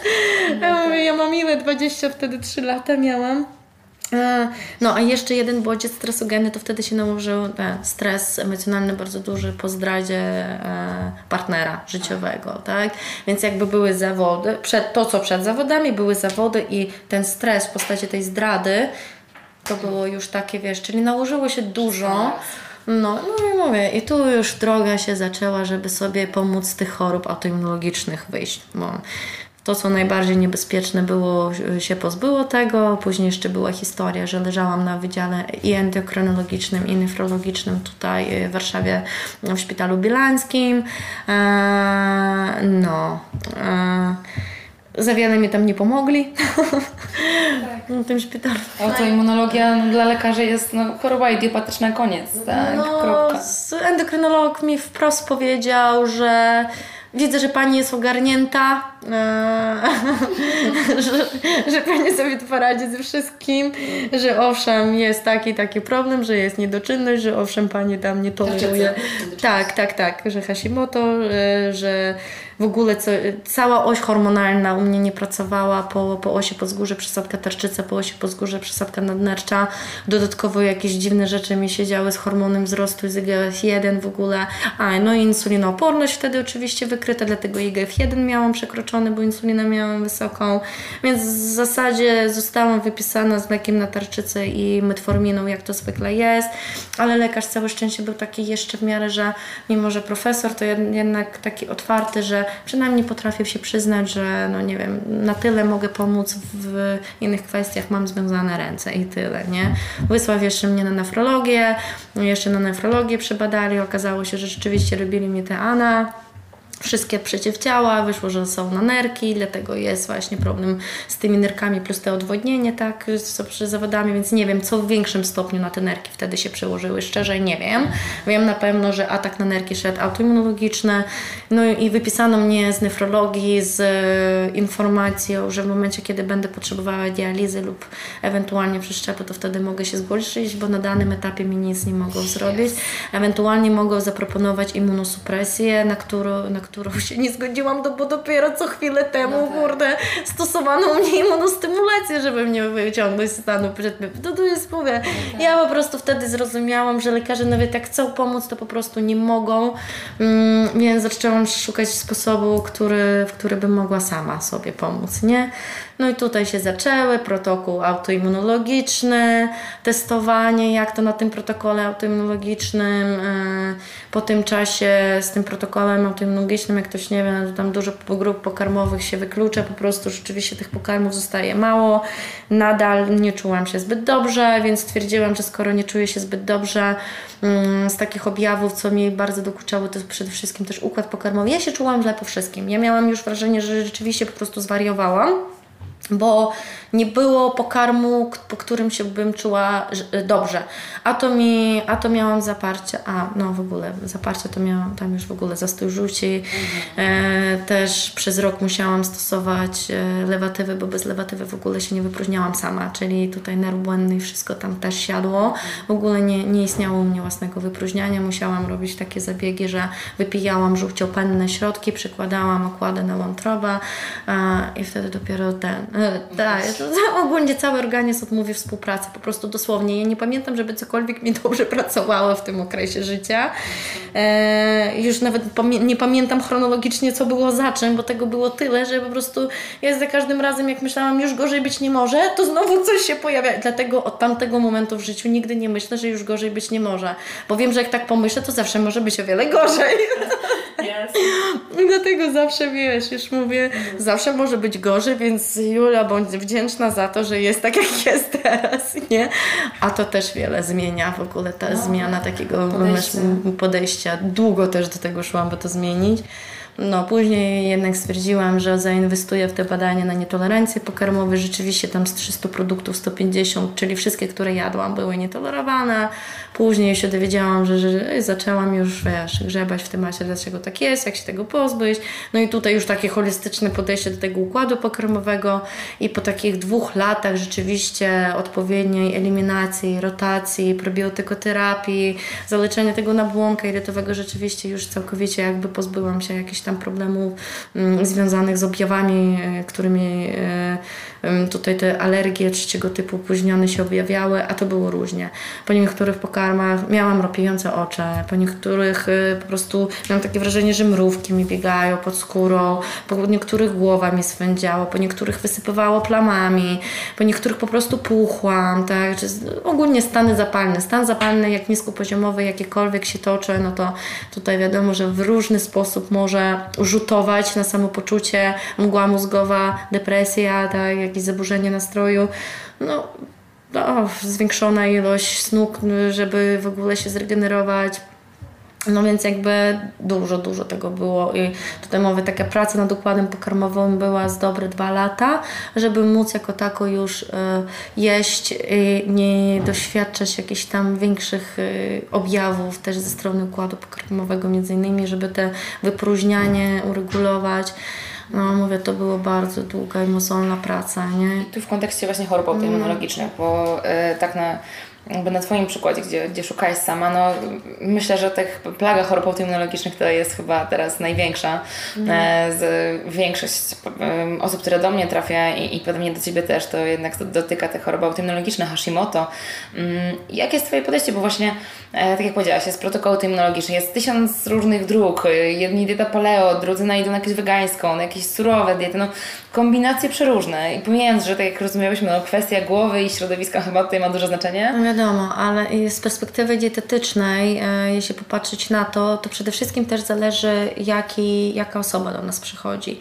Bo jeśli to przychodzi osoba, że tak powiem, kowalskie z ulicy, która ma chorobę autoimmunologiczną i w żywieniu jest dużo do poprawy, na zasadzie, że jest to człowiek, który je pizzę, KFC, wysoko przetworzone pokarmy, to tutaj w pierwszej kolejności zawsze po prostu robię, wyczyszczam żywienie, tak? No wprost mówiąc, czyli zaczynamy bazować na wysoko odżywczych pokarmach normalnych, które nie mają w składzie takich nazw, które nawet język po prostu nie można tak wykręcić, żeby je wymówić. najpierw zaczynamy od tego, tak? E, zwykle, bo wiele osób nie lubi zbyt dużo zmian naraz ogólnie i w momencie, kiedy wprowadzamy zbyt dużo zmian naraz, to ryzyko, że po tygodniu e, ten styl żywienia, ten nowy, no, zaczynamy od kształcenia odpowiednich nawyków mhm, żywieniowych, tak? Bo jak dajemy dla Kowalskiego dietę, która nagle wyklucza nie wiadomo co i prawie że wszystko, no to po gwarancja, że po tygodniu to już się zarzuci gdzieś tam w kąt. A jeśli chodzi jeszcze o to, co powiedziałeś, że mamy tak dużo tych chorób autoimmunologicznych, ja zaczynam troszeczkę się zastanawiać też, to jest kwestia tego, mm, czy tego jest tak dużo, w sensie, że czy tego mamy rzeczywiście więcej, czy to było, ale możliwości diagnostycznych nie było. Wiesz, wiele.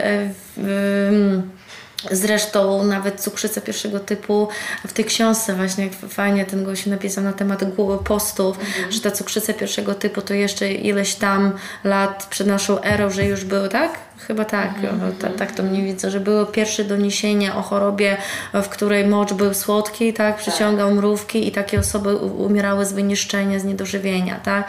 Czyli wiemy, że te choroby autoimmunologiczne de facto były już dawno, dawno temu, tylko możliwe jest to, że teraz rzeczywiście czut mocniej to się zwiększyło ze względu na te czynniki środowiskowe oraz dodatkowo mamy, to, mamy te narzędzia diagnostyczne, tak, po prostu możemy je wykryć, bo kiedyś jak było, no okej, okay, masz niedoczynność, no to masz niedoczynność. Nie było przeciwciał, nie, nie sprawdzaliśmy te przeciwciała. Teraz nadal wiele lekarzy nie sprawdza tych przeciwciał. A teraz nagle się okazuje, że ze 100% e, osób, które mają choroby autoimmunologiczne, to niemal 80% jest to autoim, e, niedoczynność o podłożu autoimmunologicznym, czyli Hashimoto, tak? E, nadczynność, no kiedyś też nadczynność była, teraz nagle jak badamy o jakim podłożu to jest nadczynność, to rzeczywiście często wychodzi to Grace'a Besadowa, tak? Czyli na pewno tutaj przede wszystkim możliwości diagnostyczne się zwiększyły i ta świadomość, no tutaj ukłon dla e, branży naukowej, że tak powiem, i medycznej, bo jednak jakieś postępy, ale zrobili, tak? E, szkoda, że jeszcze nie wiedzą, jak to wyciszyć w taki sposób. I tutaj wiemy, że rzeczywiście dietoterapią nie wszystkie, nie wszystkie przypadki to na pewno. To by było po prostu kłamstwem, gdybym powiedziała, że na pewno każde Hashimoto da się wyleczyć. Tak? u każdego jest inny podłoże i dlatego tu powiedziałam przede wszystkim, że najważniejsze to, z, jakim, z jaką osobą mamy do czynienia, tutaj wywiad zawsze jest najważniejszy. Tak? Bo jeśli do nas trafia osoba, która od lat teoretycznie dobrze się odżywia, tak, do, o wiele lepiej niż większość społeczeństwa, e, osoba, która teoretycznie trenuje rekreacyjnie, czyli w zasadzie nie ma żadnych jakichś złych nawyków, używek, nie wiadomo czego, a przy tym jej się uaktywniła autoimmunologia, no bo wiemy, że to jest zawsze podłoże genetyczne, czynnik środowiskowy to aktywuje, tak? O ile na geny, no ciężko tutaj mieć taki wpływ, natomiast czynnik środowiskowy wpływa na transkrypcję genetyczną i idzie aktywacja choroby, to zawsze dla mnie e, odpowiedzią e, na to, co potencjalnie może chorobę wyciszyć, to to, po czym ta choroba się uaktywniła. Kiedy przynajmniej osoba wie, kiedy ona się uaktywniła, bo wiele osób żyją z cichą autoimmunizacją latami i nie mają pojęcia. No, ale jeśli przychodzi ktoś i mówi, że o, nie wiem... Mm, wiele, bardzo często też taki natychmiastowy stres, wiesz, taka duża trauma. Mhm. Często bardzo też idzie wtedy. Najczęściej zauważyłam jednak, że albo to jest Gravesa, albo to jest Hashimoto, albo to jakieś autoimmunologiczne choroby zapalne jelit. E, po takim, czy to chroniczny stres, czy to taki natychmiastowy. E, wiele przypadków ostatnio miałam, że jak się pytałam, bo ja zawsze pytam, co zanim zaczęłeś, czy zacząłeś, czy zaczęłaś źle się czuć, co się działo rok przed. Tak, no i człowiek mi, co się zmieniło, jak to wyglądało wcześniej. No i tu człowiek zaczyna opowiadać. I na przykład ostatnio, rok temu założyłam własną działalność. Nie? No mówię, okej. Okay. No i to, to wie, mówię, nic się nie zmieniło. Oprócz tego, mówię, na pewno, żeby było coś, co się zmieniło. No nic się nie zmieniło. No, no w rodzinie nawet ostatnio, mm, ze strony rodziny mojego męża, E, e, zapadła dziewczyna na Grefsa Besadowa, takie bardzo ciężko przebiegające, tutaj już wiesz, takie przypadki mhm. od razu do lekarza. E, no i pytanie w ogóle, dlaczego, tak? Dlaczego to, to Grefsa Besadowa, kiedy? Okazało się, że jedynie co w, w ostatnim czasie miała, no to niestety, ale kontrast z, z jodem, wiesz? Mhm. Po wykonaniu, to był czynnik zapalny akurat w jej przypadku. No to tutaj nie możemy powiedzieć, że wykluczenie, kurde, nie wiem, no. na biału pomoże Ci wyciszyć, no bo inny czynnik zapalny był. Więc tutaj zdrowy rozsądek i nieciągnięcie. Branża tak się podzieliła, że są osoby, które strasznie ciągną w kierunku nauka, nauka, leki, koniec, kropka i osoby, które są w dietoterapii i, i twierdzą i obiecują, że dietą ja Cię na pewno ze wszystkiego kurde wyleczy. Ja jestem i chcę zawsze być in, mm, odbierana jako osoba ze zdrowym rozsądkiem, mm tak? Bo żeby mieć tą... Mm, no to świadomość, to pokorę tego wszystkiego, że to nie można generalizować, to zawsze zależy. Jeśli natomiast, no mówię, wiemy na pewno, że u wielu, jeśli mówić o Hashimoto, tutaj mnóstwo badań naukowych na ten temat jest, że rzeczywiście mm, ten układ pokarmowy u takich osób e, nie funkcjonuje tak jak trzeba i rzeczywiście takie osoby często mają te alergie IgG zależne, te opóźnione, tak, alergie pokarmowe. No i wiemy, że tutaj jest ta taka E, święta piątka, to się mówi, tak, że, że, że jest to pszenica przede wszystkim, mm, że często są to przetwory e, mleczne, szczególnie z mleka krowiego, e, że są to drożdże. Właśnie w tej piątce chyba nie ma nawet soi, jest gluten. Gluten z pszenicą jest podzielony ze mhm, względu mhm. na to, że po prostu tutaj wiele zbóż ma gluten. No ale e, ten gluten, jeszcze glutenina, no gliadyna, tak, tak. wiadomo, ten podział. W każdym razie są osoby, które jeśli już wykonamy takie badanie na alergie pokarmowe, często rzeczywiście jest tak, że jest tylko gluten e, i wszystkie zboża z glutenem jakby wtedy są nietolerowane, a jest tak, że gluten ok, owiec ok, tak. jęczmień, wszystko ok i tylko pszenica. Dlatego tutaj różnimy alergię czy opóźnioną um, na, e, na no, białko glutenu, tak, a białka pszenicy pszenicę, że to są osobne dwie rzeczy, dlatego jakby rozdzielamy to, nie?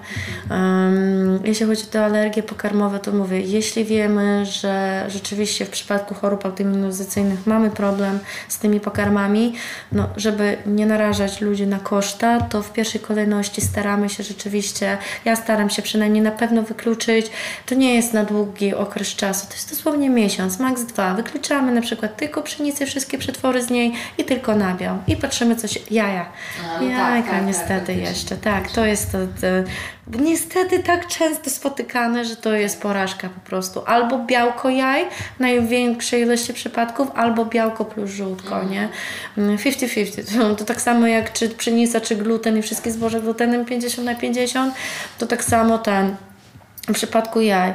No i wtedy na jakiś okres czasu wykluczamy to i patrzymy, czy rzeczywiście poprawia się samopoczucie, czy rzeczywiście gdzieś tam jak się zachowują przeciwciała. Tak, wiem, że lekarze nie mówią, że nie ma sensu badać przeciwciał, jednak wiele przypadków w swojej praktyce miałam takich, gdzie rzeczywiście nagle przeciwciała spadały, nagle e, USG, na USG jak była powtórka USG, to rzeczywiście stany zapalne w tarczycy się zmniejszały, bo tutaj też wiemy, A znowu, ja im więcej wiem, tym ciężej się zmieścić w czasie, bo boję się strasznie, że będzie jakaś nadinterpretacja, wie, że ktoś to odbierze w zły sposób, bo też wiemy, że mm, ilość przeciwciał nie jest wyznacznikiem tego ciężkości przebiegu choroby. Mhm. Wiemy, że 80% Hashimotek ma podwyższone przeciwciała, 20% przebiega w ogóle bez podwyższonego miana przeciwciał.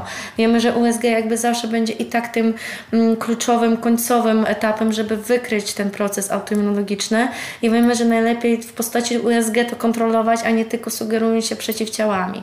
Natomiast ja lubię tak czy siak, żeby te przeciwciała jednak gdzieś tam opadały, bo troszeczkę wtedy też stan zapalny organizmu będzie się zmniejszał zmniejszał i to jest cel zasadniczo dietoterapii, zmniejszyć ogólne, ogólnoustrojowe stany zapalne, bo w ten, w ten sposób możemy troszeczkę ten układ immunologiczny odciążyć i zwiększyć ryzyko tego po prostu, że nam się powiedzie i osoba zacznie się lepiej czuć i o to wszystkim nie ma żadnej magii, nie? O to we wszystkim, y, w tym wszystkim chodzi. Ja swojego czasu musiałam zainwestować w te badania, bo ja czułam, że sam protokół autoimmunologiczny mi nie pomagał.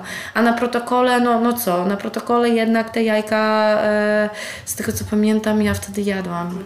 One są, teoretycznie powinny być wykluczone, ale ja jakoś je jadłam, później wykluczyłam. Mm, w nietolerancjach miałam e, wszystkie zboże, e, zboża, wszystkie warzywa, mhm. wszystkie. Nie, miałam tylko szpinak e, dobrze tolerowany. To był jedyny rodzaj warzyw, który mogłam jeść. Mm, wszystkie przetwory mleczne nie mogłam. Nie mogłam też awokado, który, no, o, na protokole, sorry, nie, nie o jaja mi chodziło, o awokado, mhm. bo na protokole awokado było dozwolone, ja go, ja, ja go jadłam, a okazało się, że mam bardzo dużo alergię pokarmową, tak. e, było opóźnioną na te awokado. Ogólnie teoretycznie wszystkie pokarmy, które były spożywane w moim przypadku były po prostu nietolerowane, tak? Mhm. E, jajka niestety też, nabiał w bardzo dużym stopniu, akurat gluten pszenica nie, mimo że mam predyspozycję genetyczną tych genach odpowiedzialnych za celiakię, to jednak tu, tu, tu, ale tam jeszcze nic się nie dzieje. nic się nie dzieje i rzeczywiście w tych badaniach mi wyszło, że okej, okay, ale mogło mieć to związek też z tym, że nie jadłam po prostu tego, mm. tych, tych, tych zbóż, zbóż wcześniej. wcześniej, chociaż na biało też za bardzo nie jadłam, a wyszedł mi najmocniejszy no, stopień. Bardzo często wychodzi tak. No mimo, że nie jadłam, ja nigdy nie, przepadałam, nie przepadałam przede wszystkim za przetworami mlecznymi. Ja zawsze czułam stany zapalne. Zawsze mnie a to stawy boleły po produktach mlecznych i mam to moja siostra. Moja siostra po nabiale ma trądzik, mhm. a mama ma też idiopatyczne bóle stawów. No tak. tak mamy prosiłam dwa lata, prosiłam, żeby, żeby odstawiła chociażby na tydzień, dwa nabiał i zobaczyła, czy, e, czy pomoże, mm, bo biegała od lekarza do lekarza, no więc tak będzie nam najgorzej i dwa lata w końcu dała się namówić, odstawiła i nagle idiopatyczne bóle stały, zniknęły. Jasne, to tak.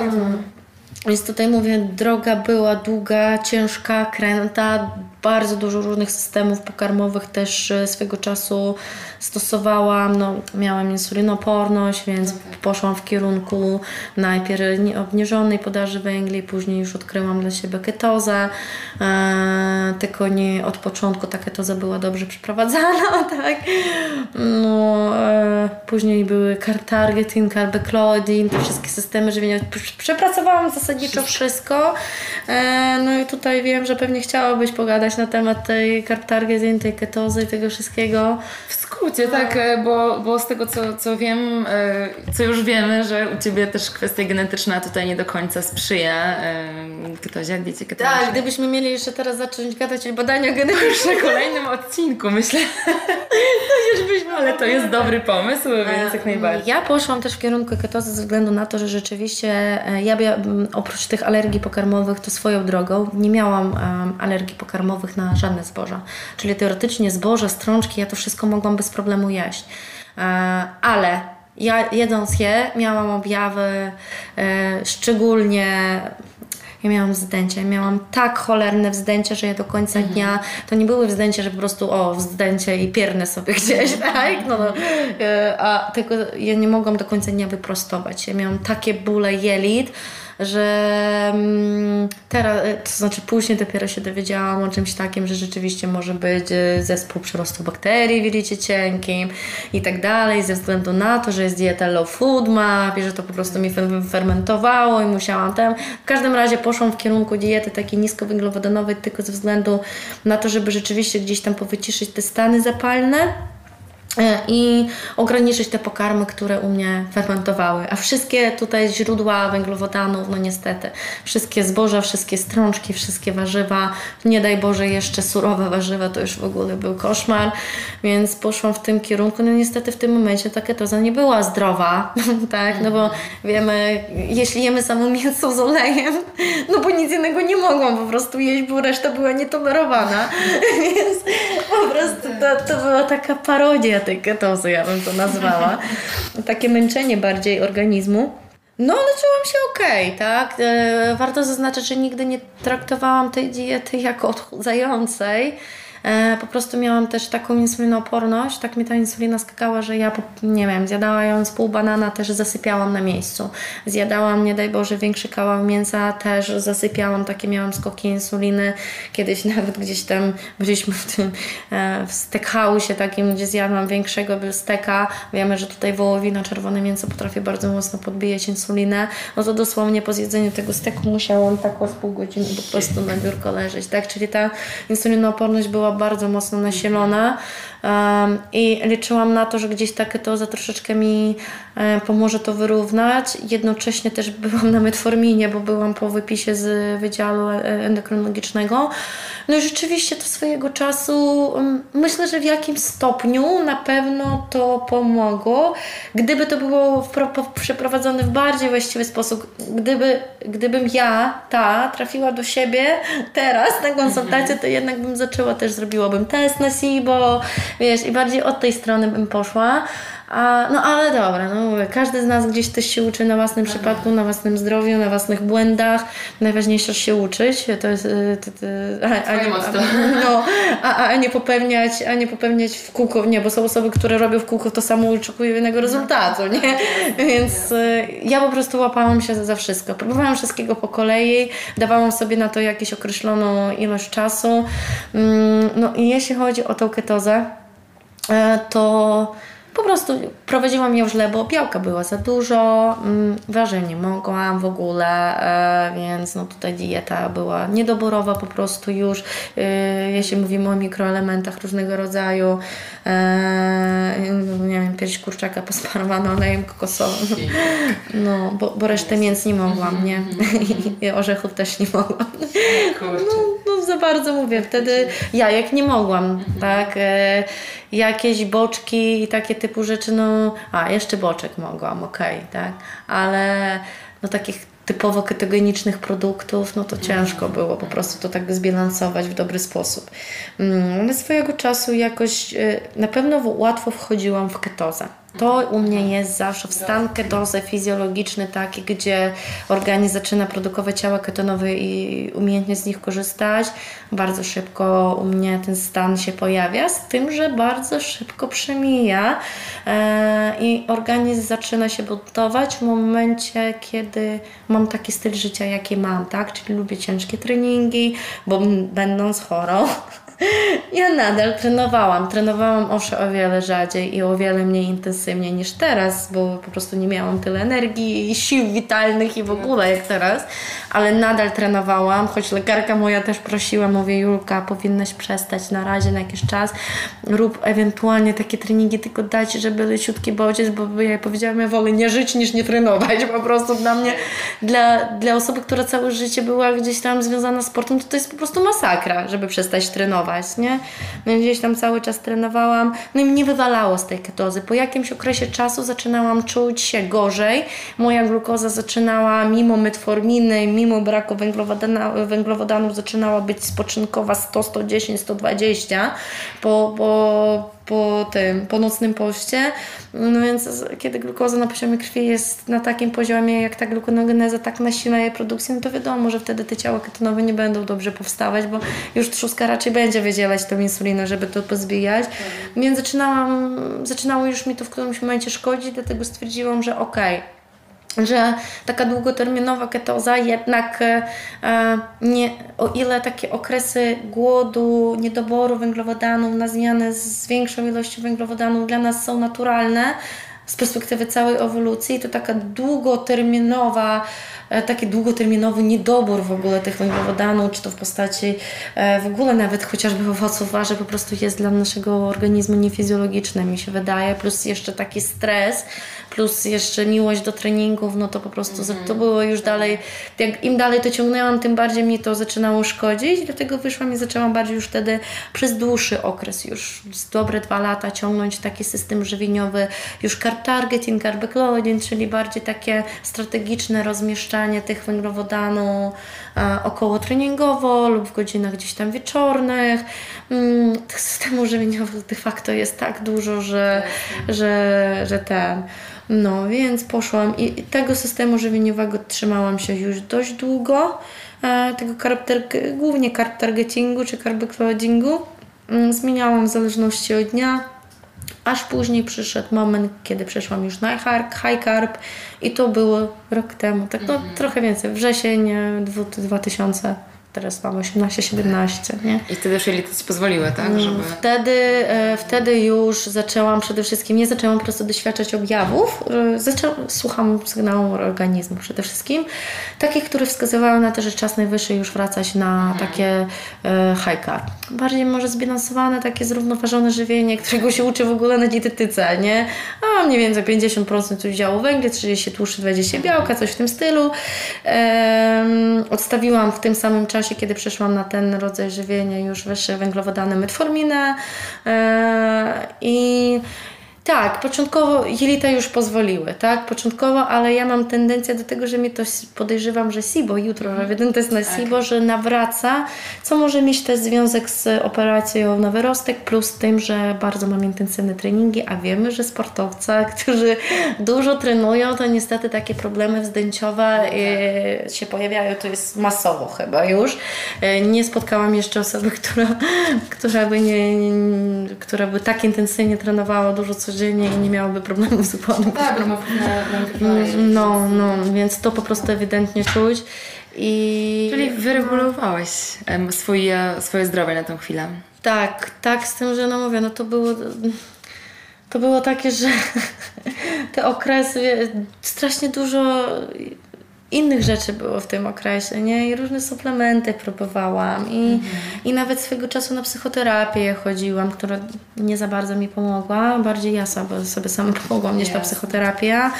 W każdym razie, jeśli mówić o tym, w remisji jestem od dwóch lat w ogóle, jeśli chodzi o moje choroby autoimmunologiczne, przeciwciała, układ immunologiczny się wystabilizował, wszystko jest ok. Po drodze były też przepisane niska dawka naltreksonu, też ją próbowałam, ona też mi swego czasu po, po, bardzo, bardzo dobrze pomogła. E, wiesz, w tym okresie dieta, dieta, suplementacja, suplementacja. Ja w tym czasie bardzo mocno pracowałam nad wyregulowaniem swojego rytmu dobowego, nad swoim stanem emocjonalnym i szczerze, z ręką na sercu, gdybym miała powiedzieć, co najbardziej pomogło, to najbardziej pomogło jednak ta praca nad rytmem dobowym i nad tym e, mm, stresem, stanem emocjonalnym, bo e, jakimś cudem e, nagle się wyleczyłam, tak naprawdę najlepiej wszystkie moje parametry metaboliczne zaczęły się poprawiać. Dopiero w momencie, kiedy się przeprowadziłam do Lubina, do swojego już teraz męża, tak? A, czyli jakieś półtora roku temu ta przeprowadzka, tak? I wtedy zaczęło po prostu, nie wiem, nagle odstawiłam metforminę, yy, Wiesz, a, a, i taki po prostu szczęście, ten spokój w życiu prywatnym, bo mi nieważne, jakby cały świat dookoła się sypał, ile by stresu było, dom i miejsce i mój partner, nie wiem, jakieś feromony może lecznicze wydziela, ale ten spokój i to takie dobre, właściwe, mm. na właściwym fundamencie budowane relacje, ta bliskość, yy, taka prawdziwa bliskość, yy, ona leczy. To jest, to jest po prostu coś, bo jak wracam do domu, ze mnie schodzi wszystko. Po prostu i myślę, że to było, bo wiesz, dopóki byłam bardzo nieszczęśliwa w życiu osobistym, dopóki miałam bardzo dużo toksycznych osób wokół siebie, mm, to żaden system żywieniowy i żadna suplementacja nie przenosiła, ona pomagała w jakimś stopniu, ale ona nie, nie przenosiła takiego efektu, który uzyskałam już, wiesz, jakiś czas temu. Może był to też fakt tego, że już minęło 4 lata po tych zawodach i tego, te 4 lata jednak tego mojego poszukiwania, tej całej ciągłej takiej pracy nad, nad własnym organizmem. Myślę, że wszystko w jakimś stopniu ale taki i tak mówię, moment przełomowy nastąpił i rytm dobowy automatycznie no. też wtedy się wyregulował, gdzie ja Boże, ja z tym rytmem dobowym miałam takie problemy, przecież robiłam te testy, ten dobowy profil kortyzolu i DA ze śliny dwa razy, za każdym razem to by było tak, że przez cały dzień niedobór kortyzolu, niski kortyzol, niski, niski, niski, niski. Wieczorem o 23 miałam wystrzał w kosmos, czyli totalnie odwrócony był rytm dobowy, bo kiedyś pracowałam w logistyce, więc miałam mnóstwo nocnych zmian. Totalnie sobie odwróciłam rytm dobowy, więc teoretycznie ja w skali dnia zawsze chodziłam jak zombie. Dopiero o 23 moja głowa zaczynała pracować, więc pogłębiałam to sobie wszystko, siedząc po prostu. O ile dziennie mogłam pracować, no to musiałam kiedyś pracować, więc pracowałam po prostu po nocach, trenowałam po nocach, czyli dalej sobie ten rytm dobowy zaburzałam. E, bardzo ciężko było z tego wyjść. Mhm. Bardzo ciężko, bo to było takie, musiałam bardzo często doprowadzać do takiego stanu ogromnego niedospania, bo ja nie mogłam po prostu skleić oczu do piątej nad rano. Więc musiałam robić sobie tak, że kładłam się, nie wiem, o czwartej, czy tam kładłam się o pierwszej, drugiej, kręciłam się do czwartej, zasypiałam może o piątej, później nastawiałam budzik, żeby wcześniej wstać, żeby chodzić niedospano, by móc wcześniej za, zasnąć. No i po prostu był taki okres w życiu, gdzie chodziłam cały czas po prostu jak zombie, a jak byłam niedospana, to miałam plamy w oczach, e, bardzo mnie suszyło, strasznie by miałam wysoki poziom glukozy, bolało mnie tutaj zawsze, mnie zawsze bolało tu pod, pod żebrami, nie? w momencie, e, nie wiem, śledziono, trzustka, żołądek, nie wiem co, ciężko stwierdzić, tak, nie, bo tutaj może, mogą różne narządy, że tak yes. powiem, boleć. Totalnie nie, nie pracowało jakby trawienie, no tutaj e, wszystko, wszystko było zaburzone, ale ta, na danym etapie jestem tak, że w momencie nawet gdybym chciała spać dłużej, to nie potrafię, bo organizm się wybudza wraz ze wschodem słońca, koniec, kropka. Po prostu się wybudzam i fakt, że jak teraz jest na dworzu zimno, e, ciemno, to ja już po prostu, ja już jestem w takim stanie, że chętnie bym zasnęła, nie? To znaczy taki stan już wycieszenia organizm wchodzi. Więc jakby ten rytm dobowy te spokój w życiu prywatnym, wewnętrzny, plus dietoterapia, mhm. plus wszystko miało swoje przełożenie, nie? mam wrażenie, że w naszej rozmowie trochę zatoczyłyśmy koło i, i jakby jak doszłyśmy do końca, to znowu wracamy do tych tematów, tak, czyli do tego tematu mm, życia jakby duchowego, wewnętrznego, duchowego, to wiem, że to brzmi magicznie, ale tego wewnętrznego poczucia tak. emocjonalnego, spokoju wewnętrznego i rytmu dobowego. I, to jest coś, do czego ja po prostu ciągle wracam. Ile bym, e, nie tylko ze względu na własne doświadczenie, ze względu na praktykę, też z, mhm. z różnymi osobami. Także te podstawy zawsze najbardziej kuleją i zazwyczaj zmiany w tych podstawach dopiero dają oczekiwane rezultaty. O ile osoba oczywiście na tym pracuje, bo większości po prostu zwyczajnie na świecie się nie chce, bo to przecież trzeba się poświęcić, nie? Trzeba sobie tak życie organizować e, i, no, i to jest właśnie to holistyczne, wielopoziomowe mm, podejście, bo tutaj mówię, miejsce na leki w trudnych jednostkach chorobowych, jak Oczywiście, że są. I, I, nikt nie mówi, że leki są złem, że lekarze są niepotrzebne. Tutaj po prostu brakuje mi w Polsce e, takiej ścisłej współpracy po prostu lekarzy wraz z dietetykami, może nawet fizjoterapeutami, e, psycholog, psychoterapeutami, tak? Czyli żeby to było rzeczywiście takie żeby człowieka traktowano jako całość, a nie, nie jako pojedyncze części. I z wzajemnym I, szacunkiem chyba ci tak, specjaliści. I, I wzajemnym szacunkiem, żeby, przysta, żeby w branży zaprzestać to walkę. Dietetycy na dietetyką najeżdżają. To jest po prostu coś, co wiesz, człowiek człowiekowi jest największym wrogiem, yes. gdzie powinniśmy łączyć siły, bo wszystkim teoretycznie nam powinno zależeć na jednym, żeby jak najbardziej pomóc ludziom, a nie żeby, nie wiem, nie wiem, ciężko mi zrozumieć to, co się teraz dzieje, wiesz, bo... Jasne, ale ja uważam to samo i jak najbardziej, no ale no właśnie. Dzieje się źle, e, to troszeczkę zniechęca. Nie wiem, co po prostu tutaj więcej powiedzieć na, na ten temat, nie?